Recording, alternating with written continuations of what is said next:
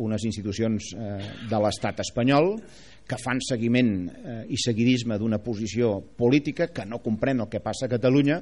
i que està disposada a qualsevol cosa menys el diàleg, a qualsevol cosa menys l'actuació política per intentar reprimir, per intentar limitar l'actuació i el que s'està fent en el, en el nostre país a casa nostra. He dit no només que em ratificava en tot el que vaig dir,